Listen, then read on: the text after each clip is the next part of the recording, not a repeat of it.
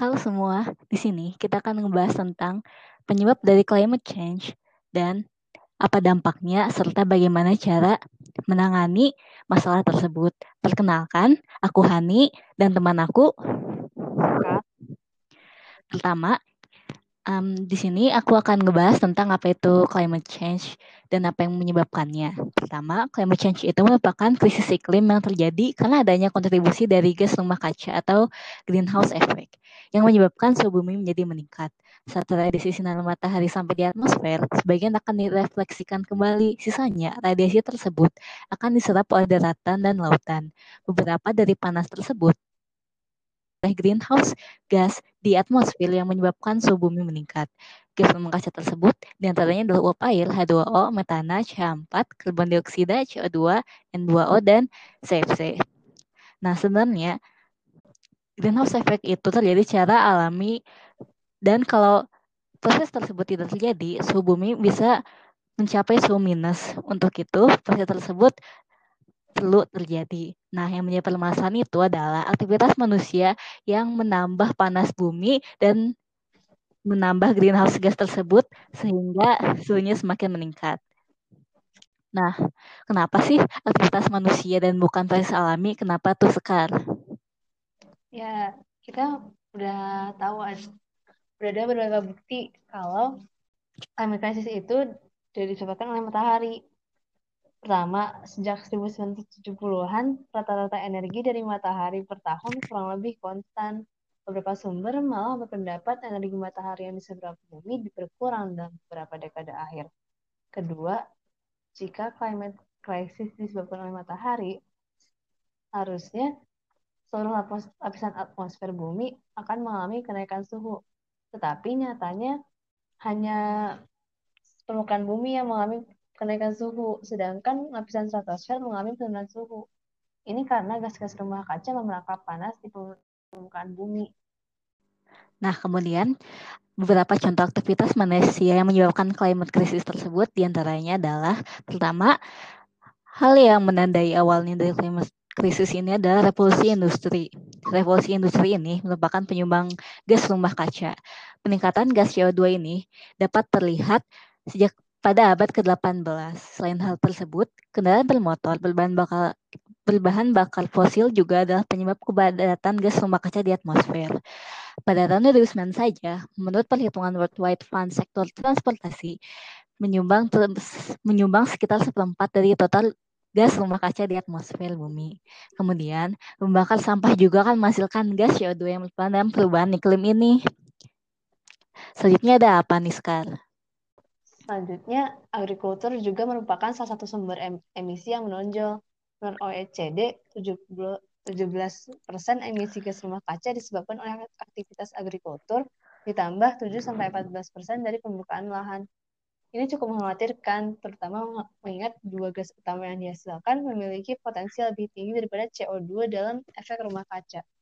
Gas-gas tersebut adalah N2O dari tanah, pupuk, dan ekskresi hewan ternak, serta CH4 yang diproduksi oleh hewan ruminansia dan kultivasi nasi.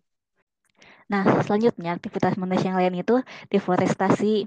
Hutan itu adalah tempat penyimpanan karbon dalam jumlah yang besar. Ketika kita mendebang pohon, pohon tersebut akan melepaskan semua karbon yang telah mereka simpan. Jika kita melakukan deforestasi juga, kita akan kehilangan sekutu kita dalam menyerap gas karbon dioksida yang merupakan salah satu gas rumah kaca, sehingga menyebabkan gas karbon dioksida tersebut akan semakin meningkat jumlahnya. Apalagi jika hutan tersebut dibakar, baik secara sengaja maupun tidak sengaja, akan ada gas karbon dioksida yang dihasilkan dan tentu hal tersebut berkontribusi dalam krisis iklim. Selanjutnya ada apa nih Sekar? Selanjutnya kan kita udah tahu kalau membakar sampah itu hal yang buruk. Tetapi metode penanganan sampah yang lain yang boleh digunakan yaitu landfill juga berperan dalam 20% emisi gas rumah kaca dunia Landfill atau TPA merupakan penyimpanan sampah dalam tempat-tempat khusus di permukaan atau dalam tanah.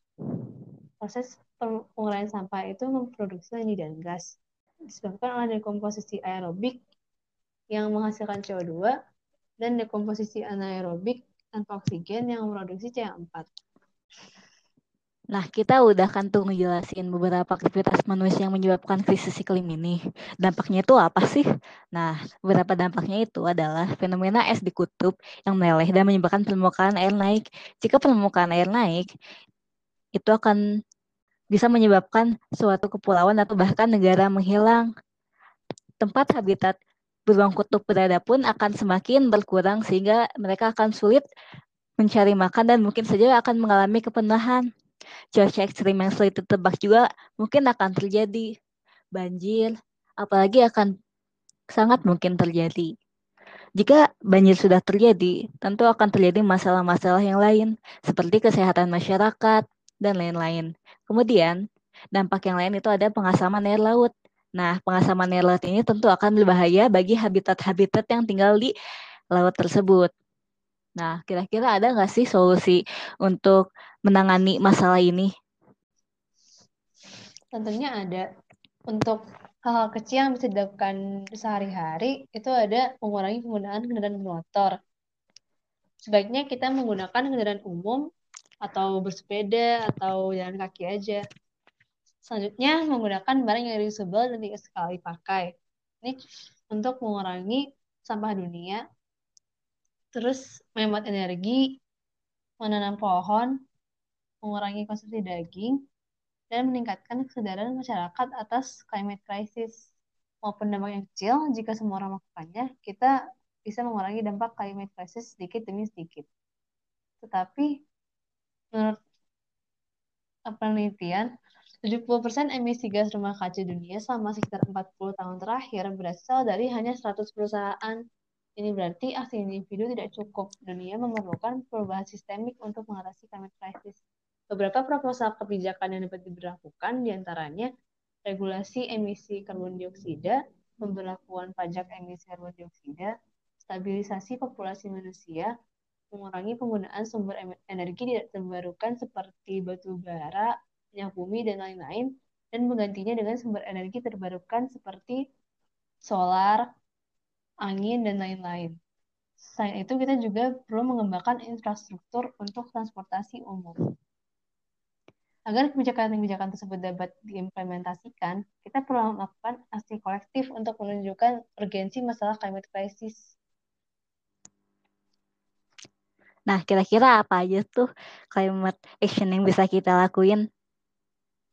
Ya, mungkin bisa mengikuti contoh seperti Greta Thunberg atau tokoh-tokoh climate action lain, biasanya dengan aktivisme dan ya menyebarkan dulu sih awareness untuk apa atas climate crisis ini biar menunjukkan kepada dunia kepentingannya. Ya, tentu kita juga perlu untuk memberitahukan ini kepada teman-teman yang lain agar bisa menjadi gerakan yang secara kolektif. Nah, Mungkin segitu aja dari kita tentang membahas mengenai climate crisis ini dari penyebabnya, dampaknya, dan solusi yang bisa ditawarkan. Hani dan teman saya. Sekar. Terima kasih.